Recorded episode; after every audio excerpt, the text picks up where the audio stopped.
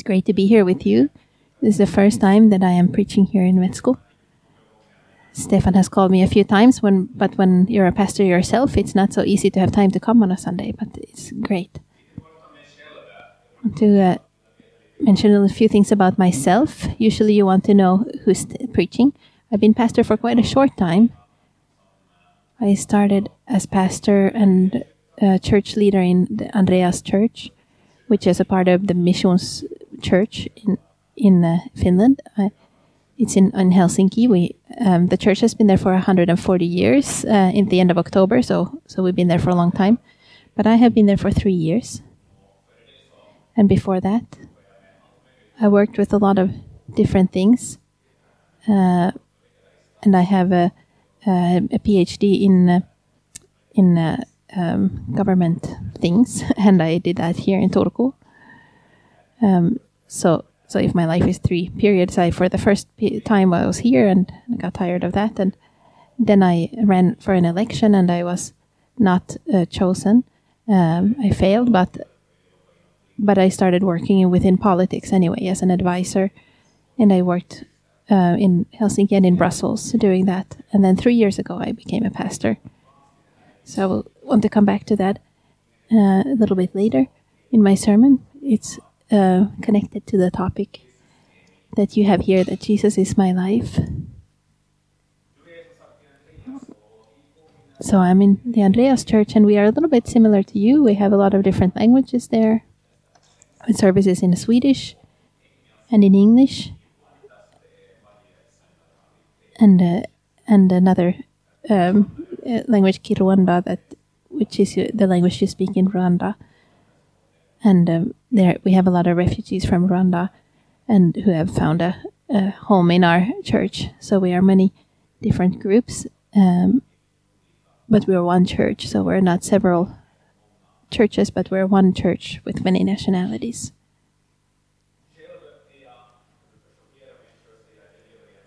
And I live in a modern family. I sometimes shock people and say that I have two dads and one mom, but uh, I will explain. It's because six or seven years ago, there was a young refugee boy from Afghanistan who came to our church.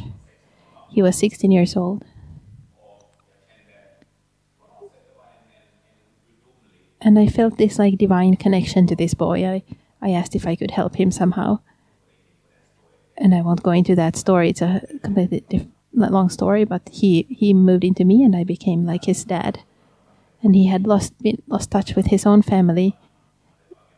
The people who took him to, the traffickers who took him to Finland said that his family is dead, and he for three years he had no touch with his family. But then he found out that his family is alive and they're in Afghanistan, a mom and dad and five siblings. Now they live in Canada, actually, the family as refugees. And a month ago, I got to meet this other dad who's like my co-dad with the he was in Stockholm where his uh, um, where he, one of his daughters got married and my son um, got to meet his uh, his dad for the first time in 8 years old in 8 years. But that's a bit of my story then. But we're called to follow Jesus and that's what I want to talk about. I read a um, a piece of research last year where they had asked young people, What's the meaning of life? And then they asked the question, Do you agree that your own life has a purpose? And it was scary to see the percentage um, of answers to this question. They an- asked the same question four years previous, and then 60% had said that they agree that my life has purpose. But now only 30% said that my life has purpose. And I think this is a general trend that we see. I think it's affected a little bit by the COVID times, but many people feel like my life does not have meaning. And we also see that many people feel anxiety about life. And even within Christians, I get these questions sometimes. What is uh, my goal in life? What is my calling in life? within Christianity. I grew up. My my dad was a pastor, so I've been always in a church, and and it was always talked a lot about calling, and also older people, not just young people, are thinking about this. I met older people who might be a little bit bitter and say that, "What is my calling? My whole life I have been wondering what is my calling, and I haven't found my calling during my whole life." And then you become bitter. But how does God view calling? And what is our, our task in life? Because in the Bible it says that there are many people who were called. We read about Moses, jo- uh, Isaiah, who we already read about, Jeremiah, Jonah. They were all called. And we read about Samuel, who was called. And the Lord got to call to him many times before Samuel answered, Lord, here I am.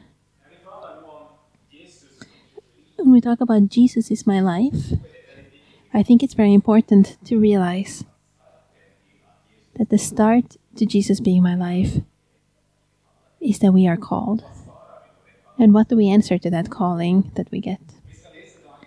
And we will read today's text, which is quite short, and it comes from Mark chapter 1, 16 through 18. As Jesus walked beside the Sea of Galilee, he saw Simon and his brother Andrew casting a net into the lake, for they were fishermen. Jesus said, Come, follow me, and I will make you fishers of men. At once they left their nets and followed him.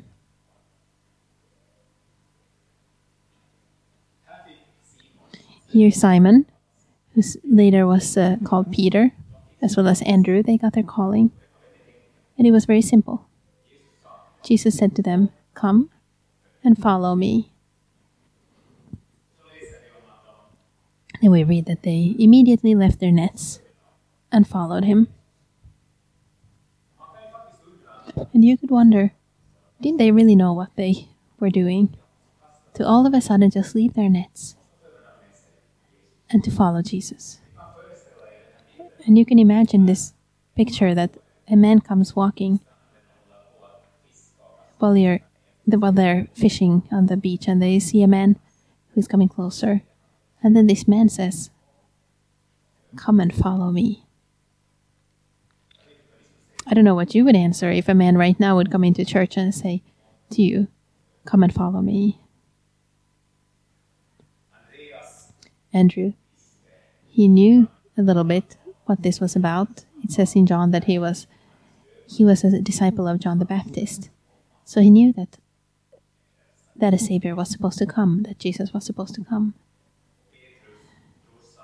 And Peter's brother maybe trusted Andrew, who said that this is a good guy, we should follow him. I think calling is a difficult thing for us for, to grasp because in our Western society, we are very fascinated about what we do. It's the most common question if you go somewhere or you meet a new person. It's often one of the first questions you get that what do you do? It's it's very deep somehow in our identity. I would say that there's even more in the Nordic and maybe the Northern European identity. What do you, that what you do gives a, gives you your worth. In South the South, Southern Europe, it's not quite the same. I have also lived in in South America, and there it's quite different. You very seldom ask the question, What do you do? But I think it's this fascination that we have with what we work with that makes us think about calling a lot. Our, we place our worth and our identity in our jobs and what we do, and not maybe in who we are. So you can imagine Peter I don't know what they were like in this time, but when he he later got the question, somebody asked the question of Peter that, "What do you do? What's your job?" What do you think he answered? I I stick with Jesus. I follow Jesus.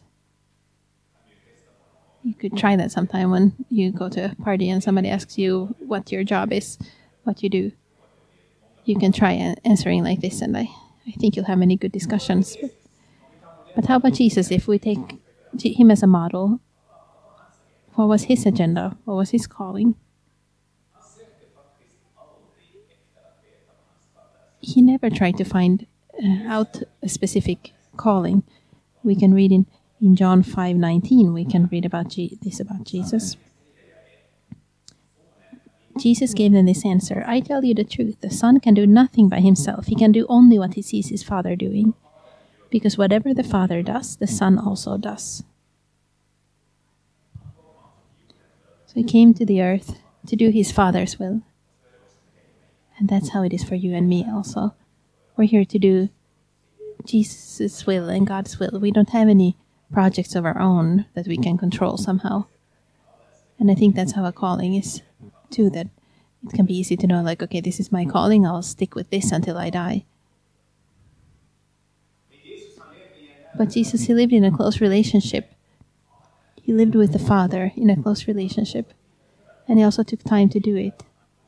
Says in the Bible that he pulled himself away to be with the Father, to pray, to fa- fast, and he was regularly in God's presence. That was what he did.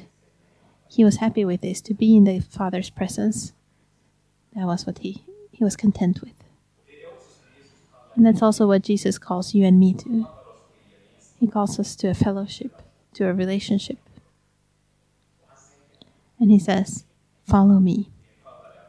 We're called to follow him. And I think it's when we take that decision to follow Jesus uh, for good and for bad, to, then we will realize what our task is here on earth. And there's a big difference between a calling and a task. We're called to follow Jesus, and during our lives, we will have many different tasks. I think the most important thing in life is not to know our calling but the most important thing in life is that we know who we are called to follow, and that is Jesus Christ, who we are called to follow. And it becomes difficult when you put your identity into your calling. We can have pastors, very many pastors have their identity in being a pastor, and that's wrong. That's unbiblical. Should have their identity in Jesus Christ. Same thing for all of us. When we do different things, God will place us in different places where we where we can uh, do His will. And I think that when we have our identity in Jesus Christ, in His love, that we experience it, we experience His grace, then I think we can feel safe. Also, in the moment, then we maybe don't know what our task is right then we know in the Bible many different uh, stories about that. Moses, who had to be for 40 years um, until he the task he was supposed to to do, his big task, was revealed before it started happening.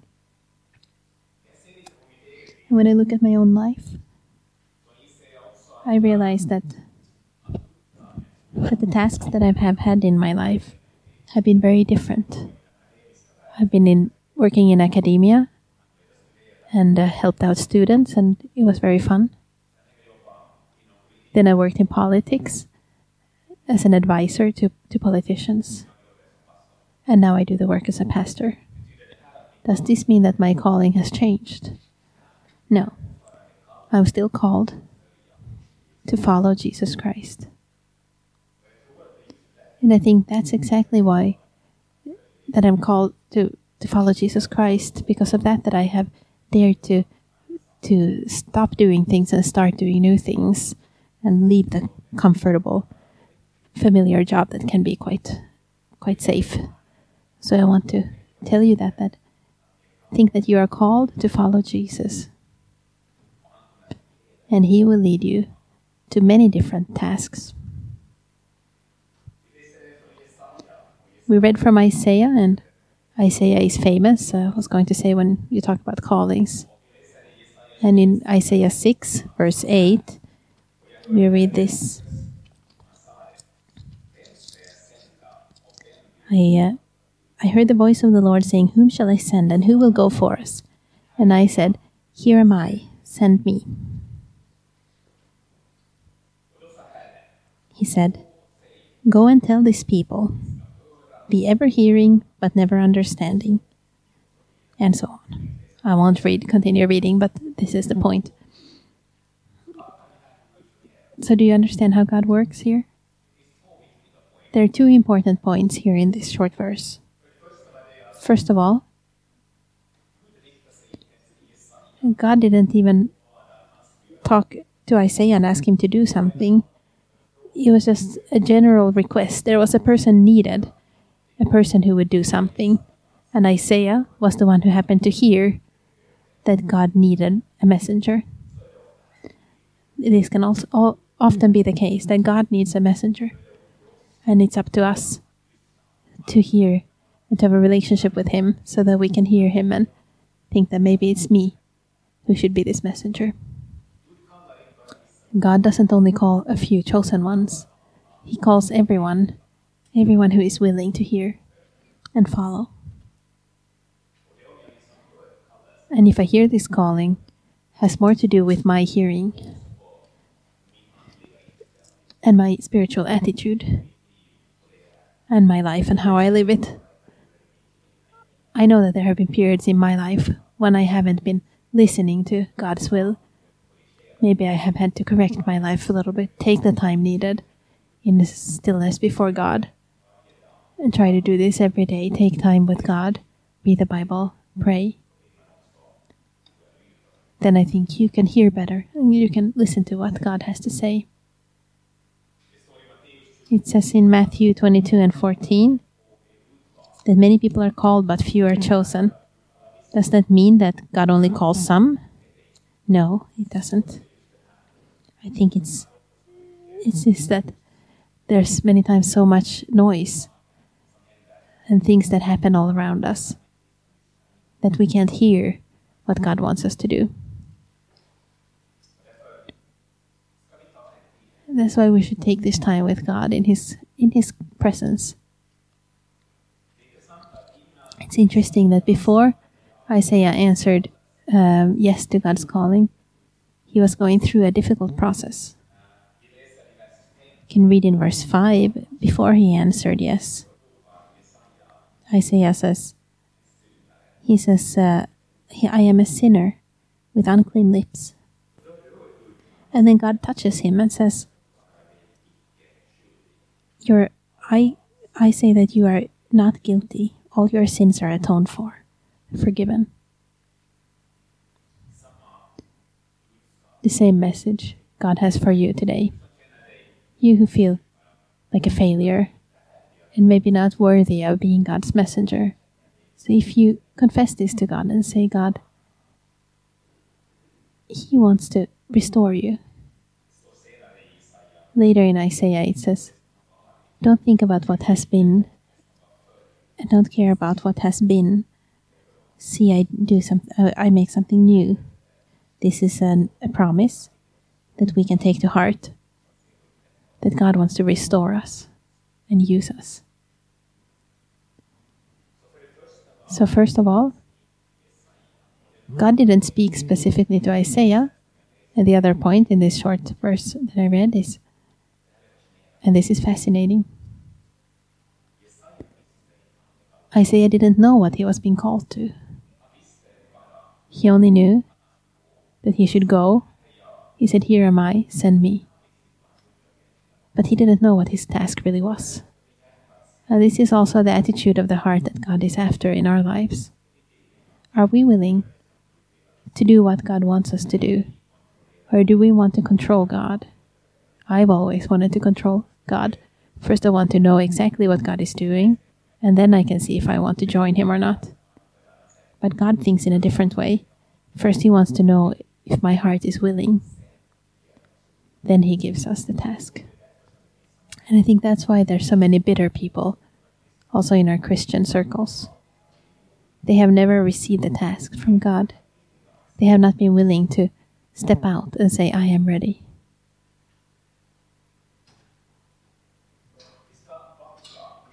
we're going to back up a little bit and go back to Peter. We started with Peter. And I think Peter is a great example uh, for us to think about. God acts a little bit similar with the Peter that he does with Isaiah. So he gives him a, a new chance. I want to finish by taking you along on a journey in Peter's life. We already heard when he was called, Come and follow me. I will make you fishers of men. And then Peter left, Peter and Andrew left their nets and followed Jesus. Then Peter became one of the disciples in the inner circle, together with James and uh, John. And when you read the Bible, you realize that Peter he was both impulsive and he he was uh, direct. He could speak out, and he he believed uh, in himself. He had an he was quite uh, um, had a yeah. But but we shouldn't forget either that he was the one who denied Christ three times when we read about the Last Supper, when uh, communion was uh, started, it was Peter and John whose task to, to set the table. And after that, they sat down and they started eating dinner together. Do you remember what they were talking about there at the dinner? That's when the disciples started yelling about who is the most important. I think this is good for us to know too that the disciples were not God's best children all the time. They were quite selfish. And they're at the Last Supper together with Jesus. They are discussing who's the most important. That was a, beside the point. But, but the next thing that it says about in the Bible is interesting. What Jesus says to Peter, he turns to Peter and he says, I have prayed for you that you would not completely lose your faith. And when you have have turned around and turned back to me again, then strengthen the faith in your brothers. I have prayed for you that you would not lose your faith. And when you turn around, then strengthen the faith in your brothers. Peter must have been quite surprised, I think, when Jesus said this to him. And we know what Peter answered But Lord, I am ready to go to prison and to die for you. And then Jesus said, Peter, I tell you, before the rooster crows tomorrow morning, you will three times have denied that you even know me. Thursday before uh, Easter was an intimate time bef- between Jesus and the disciples, but it was also um, an evening of a of a betrayal. It was Judas, of course, who betrayed Jesus, but but we also read about Jesus when he took Peter and uh, John and James to the Garden of Gethsemane to pray. Jesus wanted to have three people with him. And Jesus told them to, My soul is troubled even unto death. Stay here and watch with me. And I think that many of you know what happened. They fell asleep. Not just once, they fell asleep three times. And the only thing that Jesus needed was that somebody would be there with him.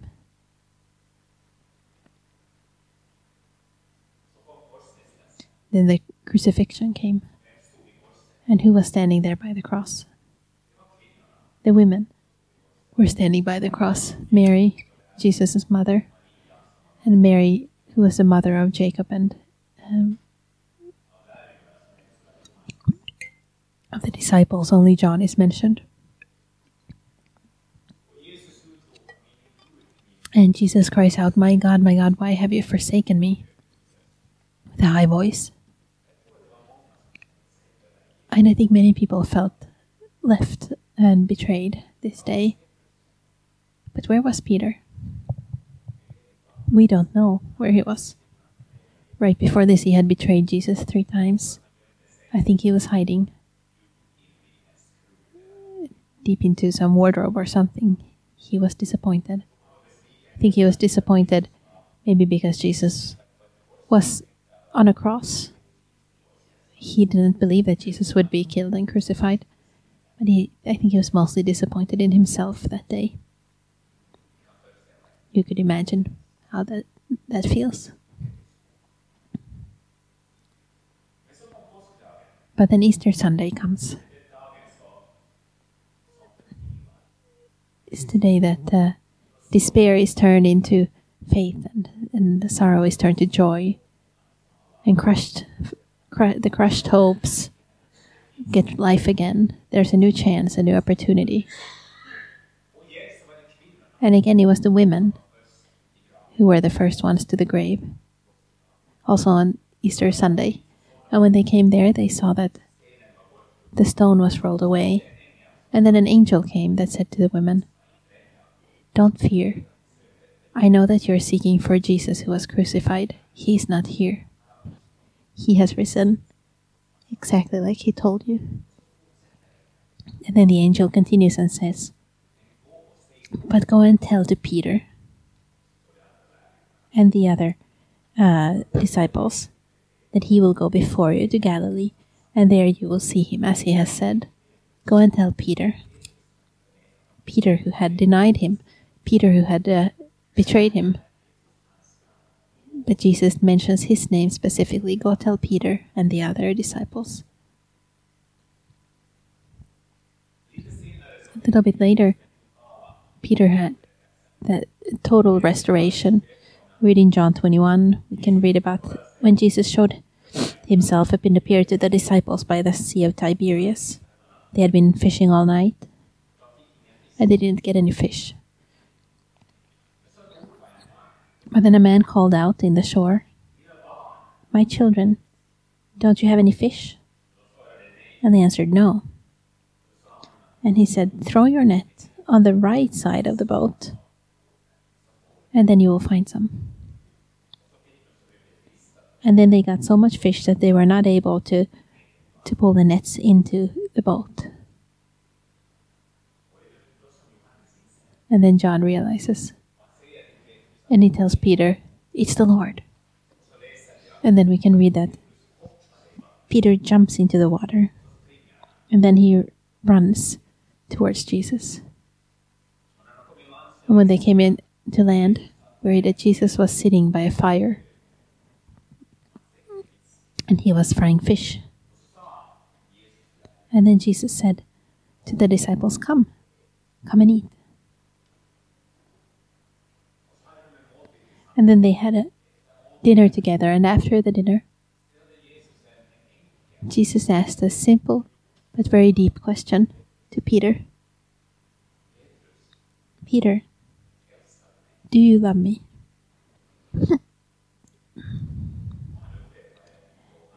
And he asks this three times. And every time, Peter answers, Yes, Lord, you know, you know that I love you. Peter had had betrayed and Jesus, but here on the beach, by the fire, by the dinner, he gets a complete restoration. And then Jesus tells him, be a shepherd for my sheep. Take care of the sheep. And then he says, Yeah, that you are the rock where God will build his church. He went from being a betrayer to be becoming a rock.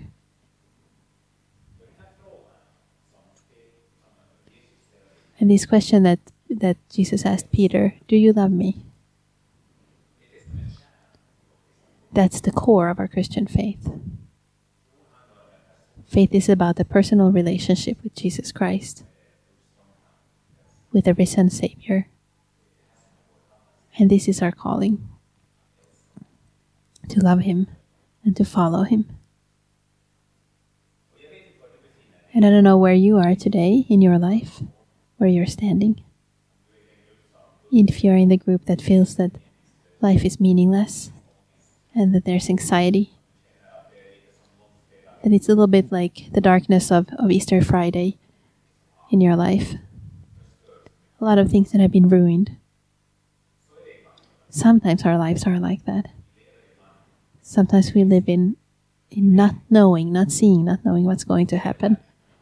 This was how it was for the disciples and for Mary when Jesus was crucified. They didn't know what was going to happen. But I want to tell you that hold on to the last thing that Jesus said on the cross when he said, It is finished. What Jesus did on the cross, that's what changes your tomorrow and my tomorrow. When Jesus died on the cross, he took our sins. And the cross, that's greater than all your all your failures. The cross is bigger than all, all your doubts. And the cross is bigger than all the secrets and failures that you are carrying in your life. Because Jesus rose again to give us life, and God wants and can forgive you and forgive me in the same way that He did with Peter. And He wants to turn your sorrow into joy, and He wants to turn despair into hope today. But remember, this is the last thing I will say. Jesus won't give you a task, something you're supposed to do for Him. He's not happy to only just give you a task, but He wants something much more. He doesn't want you to give a task that you should do. He wants your whole life. That's how it is. He wants us to give ourselves to Him. Jesus Christ loves you so much. And that's why he asked the same question to you that he asked to Peter Do you love me? And that's your calling to love and to be loved by Jesus Christ. And also to answer yes when he says, Follow me. Amen.